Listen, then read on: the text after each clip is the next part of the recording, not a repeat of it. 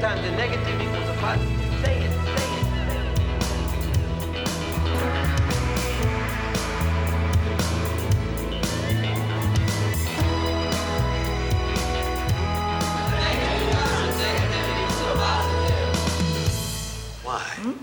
Hej och välkomna till avsnitt 11 av Anpassa skolan. Nu har det varit sommarlov och eh, skolorna har startat och då kör vi igång våran säsong. Eller hur Jimmy? Yes, välkomna. Vi vill påminna om eh, vårt eh, samarbete som vi har med Teknologisk institut och då får man ju rabatt om man lyssnar på Anpassa skolan om man vill gå på deras konferenser. Och då har vi den första som är NPF-tillgänglig skola och sen har vi Framtidens skola och Programmering i skolan. Så går man in på deras hemsida, bokar en konferens och anger Anpassa skolan som kod. Som och då, då får man 15 rabatt på avgiften. Eh, Det här avsnittet kommer vara kopplat till några av våra tidigare avsnitt och handla lite om psykisk ohälsa och eh, problematisk skolfrånvaro. Då har vi en gäst med oss idag som heter Mattias Wretman. Mm, välkommen Mattias. Tack så mycket. Ska du börja med att presentera dig lite för våra lyssnare? Vem är Mattias? Ja, okej. Ja, men först vill jag säga att det är jätte, jättekul att vara här. Väldigt angeläget program såklart och hoppas att eh, många kan, eh, så många som möjligt tar del av det här. Eh, jag heter Mattias och är legitimerad psykolog. Jag eh, jobbar ju inom skolan. Eh, tidigare har jag jobbat inom en eh, större friskoleorganisation och varit kopplad till en mängd olika skolor över, över hela Sverige då faktiskt. Men jobbat framför allt mer centrerat med kanske ja, ungefär tio olika skolor här i Stockholmsregionen.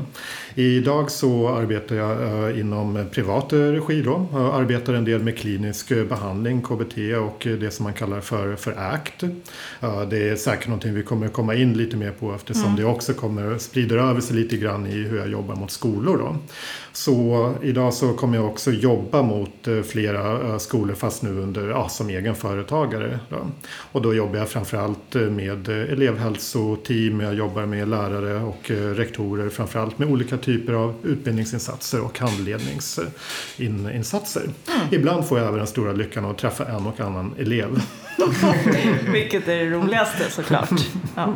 Så vi tänkte ta lite hjälp av dig här och din kunskap om och reda ut lite hur man kan förebygga och åtgärda. Kul, okej. Ja, men spännande att ha Mattias här som är specialist och expert på det här området. Ehm, hur står det till med psykisk ohälsa idag? Ja, det, det man kan se det är väl att det inte är så här, ser inte så positivt ut om vi tittar lite grann på den eh, forskning som man har gjort på utvecklingen av psykisk ohälsa här i Sverige under de senaste åren. Och eh, då kan man ju ta avstamp i en rapport från Socialstyrelsen som man gjorde här 2016 så det, det är fortfarande ganska aktuella eh, siffror. Då. Ja, absolut. Och det som vi ser där det är ju det att den psykiska ohälsan generellt har ökat i, liksom i normalpopulationen i, i, i Sverige. Då. Och eh, det som står för den faktiska ökningen är ju då ångesttillstånd och depressiva till, tillstånd. Och då frågar jag ungefär från vilken ålder har man börjat mäta det här? Är det från eh, 12, 13, 14 års ålder uppåt? Eller, för det är ju även det är ungdomar man har mätt och vuxna, eller hur, i den här eh, rapporten? Det stämmer bra. Det är både ungdomar och vuxna. Och eh, jag tänker för eh, idag så kommer vi vara lite mer inriktade på ungdomar. då. Och eh, ja, det finns ju hela vägen från eh, till exempel flickor 10 till 17 år eh, som man har tittat, tittat på i Ja, i den här rapporten. Och eh, hur man samlar in den här datan är också ganska viktigt ändå att komma in på tycker jag. För det första så är ju definitionen här av psykisk ohälsa att vi använder oss av olika typer av diagnostiska kriterier. Och eh, det är alltså så att man har samlat in eh, diagnoser från läkare inom primärvården, läkare och psykologer från primärvården. Och det är de som man tittar på när vi ska, nu ska mäta den psykiska, psykiska ohälsan. Och det innebär ju också att det sannolikt finns ett mörkertal eftersom väldigt många eh, faktiskt inte uppsöker vård när de, när, de mår, när de mår dåligt. Så det är inte helt omöjligt att det faktiskt kan vara fler än det som står, står i rapporten också. Precis, för det vet ju vi som jobbar inom skolans värld att alla de vi träffar behöver ju inte ha gått till en vårdcentral utan de kan ju ha träffat dig som skolpsykolog, oss lärare eller kuratorer. Kurator. Då finns ju inte de med i den här statistiken. Nej, nej men precis. Och den allra mesta liksom, jag menar det, det är normalt i livet att man mår dåligt emellanåt. Alla människor har vid något tillfälle drabbats av nedstämdhet, man har haft stress eller känt ångest. Och det är sånt som är normalt, det är en del i att vara människa idag. Däremot så är det ju så att när det sen börjar bli eh, problem att kunna leva sitt liv som man vill eller att vi har eh, signifikanta svårigheter att kunna utföra saker som man kanske tidigare har kunnat, kunnat gjort. Det är då vi börjar närma oss den mer kliniska bilden av, av ett psykiskt till, tillstånd. Och då söker man hjälp. Ja, förhoppningsvis söker, Ja. söker man hjälp då. Och eh, blir det så att det blir väldigt allvarligt då, då efter ett tag så kommer det så att säga att upptäckas i alla fall. Då. Vi vill ju såklart, eh, alla vi som, ja, vi som sitter här vill ju att det ska upptäckas eh, mycket tidigare än så när det går till, till, till den nivån då. Precis. Eh, Men hur vanligt är det då? Hos eh, barn och ungdomar? Hur vanlig är den psykiska ohälsan? Ja, jag kan inte säga den exakta siffran. Det, det finns i den här rapporten mycket mer exakt på, Ja. på, på vad den är. Det man kan säga så här generellt eh, och som jag tycker är intressant eftersom det nu kopplas ändå till, till skolan här. Det är att den gruppen som drabbas av psykisk ohälsa på den kliniska nivån ofta har en lägre utbildningsnivå än den referensgruppen som man använt då, som inte har drabbats av psykisk ohälsa. Och det här, det här är, tycker jag är väldigt intressant för det, det visar ju dels på, troligen då, att eh, många avbryter sina studier tidigt eh, på grund av psykisk ohälsa inom den här gruppen som man nu rapporterar om. Här är jätt, nu stannar vi upp, för det här är ju jätteviktig analys. Vi tar det en gång till. Egentligen så, vad menade du? Ja, så man kan se här väldigt tydligt i, den här, i en av de här tabellerna som visar att de som har vårdat för depression eller ångestsyndrom i högre utsträckning enbart har grundskola som högsta utbildning efter uppföljningstiden i, i det här. Och vi vet att det är många som hoppar av på grund av, på grund av psykisk ohälsa. När det handlar om till exempel de som blir borta på, eh, under lång tid och som blir det som vi eh, kanske lite slarvigt sådär kallar för hemmasittare, ett begrepp som jag gärna vill komma bort ifrån. Och man kan väl säga de som har en problematisk eh, frånvaro helt, helt, helt, helt enkelt. Då. Mm. Och då kan vi ju en, dra en slutsats här att eh, det här blir kostsamt för samhället under längre tid för att man inte har klarat sin utbildning och man, ja, man kanske inte ens får ett jobb sen. Precis. Och eh, det finns prediktorer som visar att tidiga avhopp eh, i skolan på grund av det här visar också att man löper större risk att senare i åldrarna utveckla en psykisk ohälsa som eh, ja, kräver någon typ av vård, vårdinsats. Och eh, här finns det en del riktigt, riktigt stora siffror vi pratar om, om vi pratar nu om kostnader. Utöver självklart det här stora lidandet som det innebär för varje individ som drabbas av det här så är det också en stor samhällskostnad. Och eh, här finns det till exempel 1997 eh, så var det här alltså en totalkostnad på 16 miljarder kronor. Det var alltså 1997. Ja. Tittar vi på 2005 så var alltså kostnaden 33 miljarder. Oj. Så alltså en ännu högre, högre Från siffra. 16 miljarder till 33 miljarder Precis. på åtta år. Precis. Och nu är det lite så här med de här siffrorna, lite beroende på hur man nu har analyserat det här och räknat vad kostnader är. Men det vi också har kunnat sett är att 40 procent av alla nya fall och sjuk och aktivitetsersättningar till exempel 2006, det var alltså psykisk ohälsa som stod, stod för dem. Och bara för att koppla ihop det här lite nu, alltså att, så att ungdomar som hoppar av skolan på grund av psykisk ohälsa, eh, de riskerar enligt eh, den, de forskning som finns för handen här, att utveckla psykisk ohälsa senare i åldrarna. Och det är då man kommer in i det här, man börjar, kan inte söka jobb, man blir arbe, kanske blir arbetslös, eh, börjar uppsöka vården oftare och oftare, kräver mycket, mycket mer, mycket mer resurser. Och självklart också kan vi bara föreställa oss det lidande som det innebär för en person som också har vänner, har familj, har nätverk som man så att säga inter, interagerar i. Så därför är det ju det här såklart eh, ja, ett stort eh, problem i vårt samhälle, har varit under väldigt många år. det blir en stor utanförskap. Tänker jag. Visst. För, de här, för många, alla de här, eller många av de här personerna. Ja, du nämnde det här med utanförskap då, eh, Jimmy. Och det, det, det så är det ju. Det är att eh, lider man av en psykisk ohälsa och om vi då framförallt tittar på hur det är att vara kanske ungdom och, och ha det här. Att eh, vi, vi människor vi existerar ju i olika typer av sociala kontexter hela tiden. Vi identifierar oss väldigt mycket genom vår, vår andra människor och genom miljöerna som vi hela tiden inte interagerar i. Och att tappa så att säga kopplingen till en, en, naturlig miljö som man befunnit sig i tidigare med, med vänner och med olika typer av förebilder som uh, lärare, andra auktoritetspersoner. Det är självklart att det påverkar en i negativ uh, riktning och leder till att man sannolikt känner sig mycket mer eh, ensam och ökar kanske ännu mer av det som man hade från, från, från början. Då. Och tyvärr så är det ju så med oss människor att ångest och depressiva besvär leder ju inte till att vi automatiskt försöker att ta tillbaka olika typer av nätverk eller hitta utvägar utan mer naturligt att vi börjar dra oss in oss själva och att vi utvecklar det som man kallar för olika typer av undvikande beteenden mera. Ja, exakt. Det ser vi ofta i... Det händer ju ofta i skolan. Och eh, elever som börjar undvika lektioner, undvika skolan, undvika sit vissa situationer och så. Mm.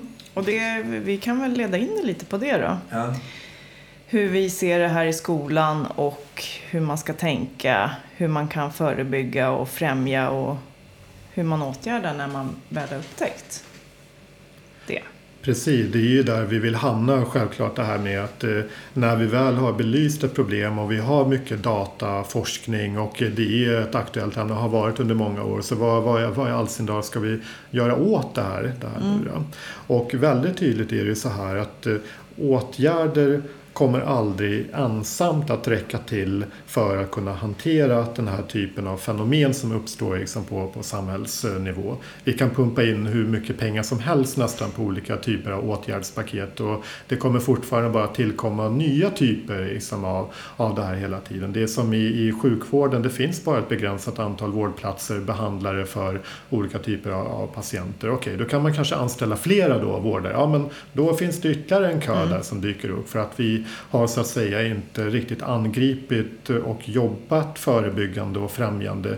Kanske då, nu, nu pratar vi på samhällsnivå men mm. vi kan ju mm. föra in det i skolan också ja. där det här med främjande och eh, förebyggande arbete alltid mm. är, är på, på tapeten. Det är samma sak som, som gäller där i, i den lilla mindre skolmiljön. Att eh, om vi inte arbetar förebyggande och främjande på ett eh, rätt och strukturerat vis så kommer vi aldrig kunna hantera det här på ett, ett bra vis så att säga. Exakt. Ja, och då kan jag vara lite intresserad av vad vi tänker varför det har ökat. Det finns, vi kan ju läsa hur mycket studier som helst som säger varför det har ökat. Men det är ju också eh, olika studier säger olika saker. Vad tänker vi och vad tänker du Mattias om varför har psykisk ohälsa ökat? Mm. Det är ju såklart en jättesvår fråga att besvara såklart. Vi kan ju se att det finns eh, historiskt liksom olika typer av trender av diagnoser, psykiska sjukdomar och vissa av dem liksom försvinner och vissa återkommer i historien. Sådär. Och eh, självklart tror jag att man behöver titta på den kulturella kontexten som allting det här uppstår i också. Och eh, vi lever ju i det här digitala informationssamhället i, idag. Och eh, jag tror att det är en bidragande del till varför många, framförallt yngre, mår sämre i, idag. Vi bombarderas eh, varje dag med en oerhörd mängd information och vi har tillgång till möjligheten att värdera oss själva mot andra på ett sätt som inte riktigt kanske fanns innan liksom det blev så himla tillgängligt det här. Mm. Vi har olika applikationer, Facebook, Instagram och Snapchat och alla, alla de här. Och en del i att vara människa är att vi vill ofta visa upp oss från vår absolut bästa sida. Mm. Vi söker förebilder, vi söker saker där vi kan försöka att utveckla oss själva mot. Och tittar man ut idag och vi ser liksom i filmer, i TV och i serier, liksom de här personerna som är så bra, de är perfekta och vi har modeller som man hela tiden bombarderas med som är liksom ofta redigerade i efterhand mm. ungefär som vi kanske redigerar lite i det här radioprogrammet sen så kommer man redigera lite i bilder, bilderna också. Och det är såklart fullständigt orealistiska bilder att jämföra sig själv i, emot. Och jag tror att det spelar in eh, en ganska stor del att vara ung idag, den mm. typen av eh, jäm, jämförelse. För vi kan, aldrig, vi kan aldrig komma dit. Nej, plus också en annan sak som jag har tänkt på det är ju också hur vi pratar om det och att vi pratar väldigt mycket om det. Man läser om psykisk ohälsa, vi pratar om det, det finns i media hela den biten. Och även en, ett annat spår med sociala medierna som jag bara kom på nu, det är också att det sådana elever möter du och jag Jimmy som även hittar likasinnade i social, ja, sociala medier som mår lika dåligt som de själva. Man kan alltså hitta eh, ja, olika bilder på eh, när du har ja, självskadebeteende och så vidare och då hittar man det. Och det är också en sak som kan trigga eller smitta.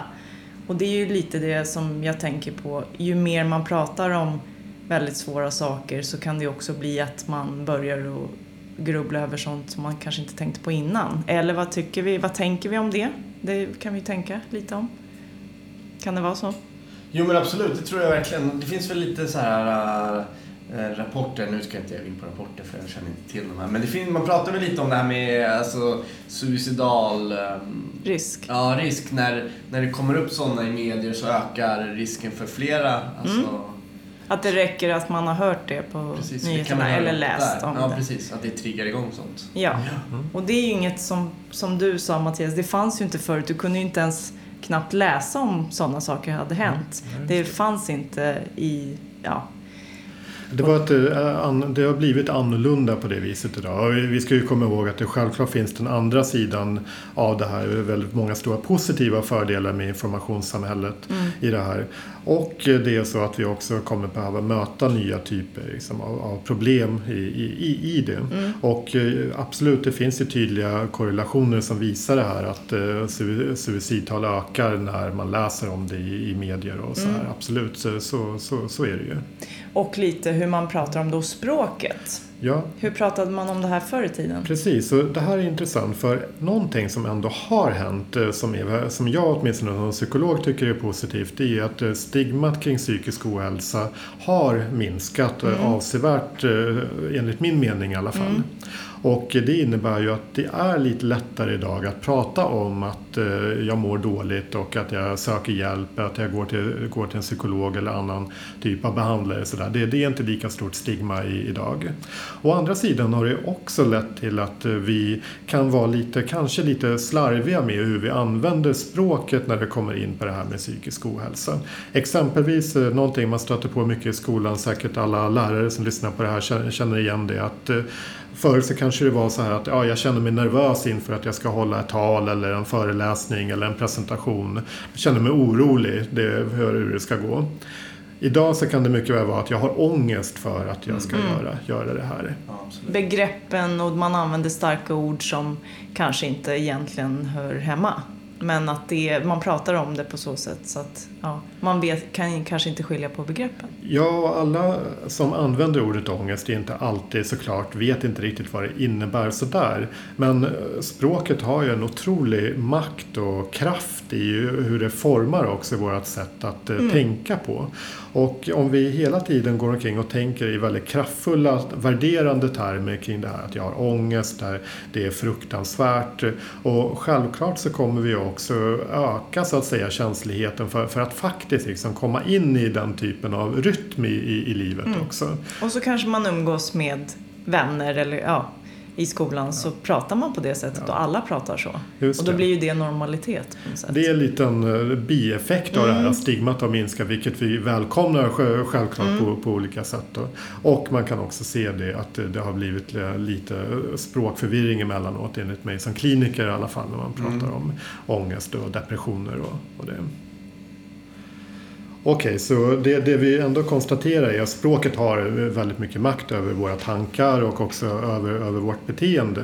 Och då kan vi ju tänka lite grann att eh, vad händer om vi så att säga börjar, börjar vända lite på, på, på språket och vi börjar omformulera oss med begrepp eh, som är mer nyanserade kring hur vi mår och eh, kanske ännu viktigare hur, hur vi vill må. Exempelvis kan man säga så här att eh, idag kanske vi egentligen också skulle kunna döpa det här programmet till att handla om psykisk hälsa. Ja. Istället för den psykiska ohälsan så vill vi hellre prata om de faktorer som bygger upp en kraftfull psykisk hälsa. Det har jag sett att man har börjat byta ut på olika sociala medier har jag sett det. Just det, och då kan man fråga var, varför gör man det? Vad är rationalen kring att börja använda språket på, på, på det sättet? Och det här, det här är alltså ganska fiffigt. För om vi tänker så här, om vi tar in det nu in i, i, lek, i lektionssalen här och så ser vi uh, att vi till exempel att vi noterar att en elev som sitter och kollar på sin iPad istället för, istället för att göra sin, göra sin uppgift.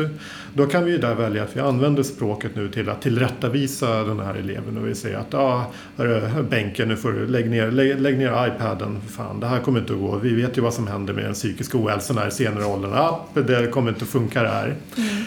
Och det är såklart, det, det, kanske, det kanske funkar. Det, det, han kommer reagera på det sannolikt. Vi, men det är ganska jobbigt också som eh, lärare att vara i den rollen att man blir polisen i klassrummet och allting handlar ju plötsligt om att eh, språket ska användas på ett tillrättavisande sätt och eh, det ska vara, finnas en värdering i det, en dömande värdering ofta när vi iakttar beteenden som vi inte vill, inte vill, inte vill se. Jag säger inte att alla gör det men jag tror att alla professionella, även jag själv som psykolog, behöver alltid förhålla, förhålla oss lite grann till det. Så om vi vänder på det nu och säger så här istället, okej, okay, så uh, Benke, att arbeta med den där andra uppgiften, det kommer att ge dig liksom en mängd grymma fördelar. Liksom. Jag vill verkligen mm. att du ska utvecklas och få känna, och känna på det här. Du kommer, få, ja, du, du, du kommer känna hjälp bra när du har klarat den här uppgiften. Mm. Och grejen som händer här med språket det är att eh, om Benke nu faktiskt börjar jobba med, med sin uppgift. Det går inte att jobba med uppgiften och samtidigt hålla på med sin iPad. Det är alltså att vi har fokuserat med språket på en annan typ av beteende som vi önskar se mera, mera mm. av. Mm. Och det är dessutom så att det känns roligare som professionell också att vara mm. den som pekar på de här framgångsfaktorerna. Mm. Och där måste vårt språkanvändande hänga med. Mm. Och det gäller ju även i eh, samhället ja. kring de här eh, nu tog du ett klassrumsexempel, men precis som du sa, om vi skulle ändra definitionen och säga psykisk hälsa hela tiden så skulle man ju tänka på ett annat sätt till slut. Tänker jag. jag. måste bara säga, jag tyckte det var skitläckert. Mm. Va? Mm. Nej men jag tycker verkligen det var... Men det är ju det, ja, omvänd psykologi. Ja, men varför har man inte... Varför, varför har jag aldrig hört det? Jo, men det har vi. Nej, men ett, ett sånt där klockrent exempel. Ja, Eller hur? Mm. Har du någonsin hört någon lärarkollega säga så? Det skulle vara du i så fall. Skulle det vara det? Ja. ja. Det tar jag som en komplimang. Ja. ja, nej, jag tycker det var ett superbra tips. Ja, mm. ja verkligen. Mm.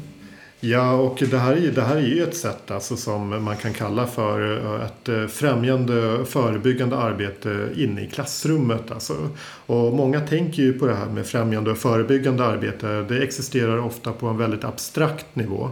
Många läser om det i, alltså vi får läsa det i olika typer av rapporter, i värdegrundsrapporter. Säger man värdegrund så får folk, blir folk gröna i ansiktet och tänker ja herregud nu är det dags igen för att organisera någon klassfika eller nu ska vi, nu ska vi gå ut och prata om stress stress mm. Eh, eh, i klasserna och så här. Och jag skulle säga att det är inte riktigt faktiskt att eh, det kanske kan vara en del i ett främjande förebyggande arbete. Men det, det, är, inte, det är inte ett långsiktigt kontinuerligt arbete att kalla förebyggande och främjande. Om man börjar jobba på det här sättet till exempel i klassrummet att man kontinuerligt arbetar med att använda alltså positiva omformuleringar på beteenden som vi vill se mera av. Och observera, jag säger inte att vi ska titta ens på beteenden som vi inte vill se. se för vi Nej, är redan proffs på det. Mm. Vi människor vi, vi, vi, vi är svartbälten mm. på att notera avvikelser. Vi är däremot inte alls lika bra på att identifiera och påpeka när saker och ting börjar funka. Mm. Och det är det som det här handlar väldigt mycket om med främjande förebyggande arbete. Identifiera de faktorer som faktiskt uppmuntrar beteenden som vi vill ha mer av. Och när ett beteende ökar i frekvens och intensitet då kommer ett annat beteende minska som en följd av det. Det går inte att bråka och vara tyst och lugn samtidigt. Exempel. Och det här då kopplas ju till den psykiska hälsan då, att vi skulle Ja, se att den ökar. Bra! Troligtvis. Nu använder du den psykiska hälsan här Ja. istället. Du ser, det börjar redan ge effekter. Ge effekter. det Nej, jag är här övertygad att du redan har, du har nu redan det där. Ja. Ja. Ja men eh, snyggt. Jag känner att jag är en bättre lärare nu. Gör du det? Jag gör det på riktigt. Bra där. Ja, Bra. Imorgon kommer jag gå till jobbet och vara lite bättre än idag. Men då tycker jag vi börjar avsluta avsnittet där och eh, så kommer vi faktiskt köra ett till avsnitt med dig Mattias där vi ska prata om lite EOT och sådär. Det ser jag verkligen fram emot. Mm. Eh, Men Mattias, ska vi, vart kan folk eh, nå dig och hitta dig och dina, ditt arbete och så? Jag ska omformulera det positivt eh, kring mina, mina marketing skills så kan jag väl säga att ni kan väl lägga till en e-mailadress här i signaturen så kan man ju alltid mejla eller höra av sig till mig då. Vi länkar. Ja, det, Det är där man hittar dig på det, e-mail. det är ett utvecklingsområde, eller hur Cissi? Ja. Eh, ja, men då avslutar vi avsnitt 11. ja, tack för oss och tack Mattias. Tack Tack. så mycket. Tack.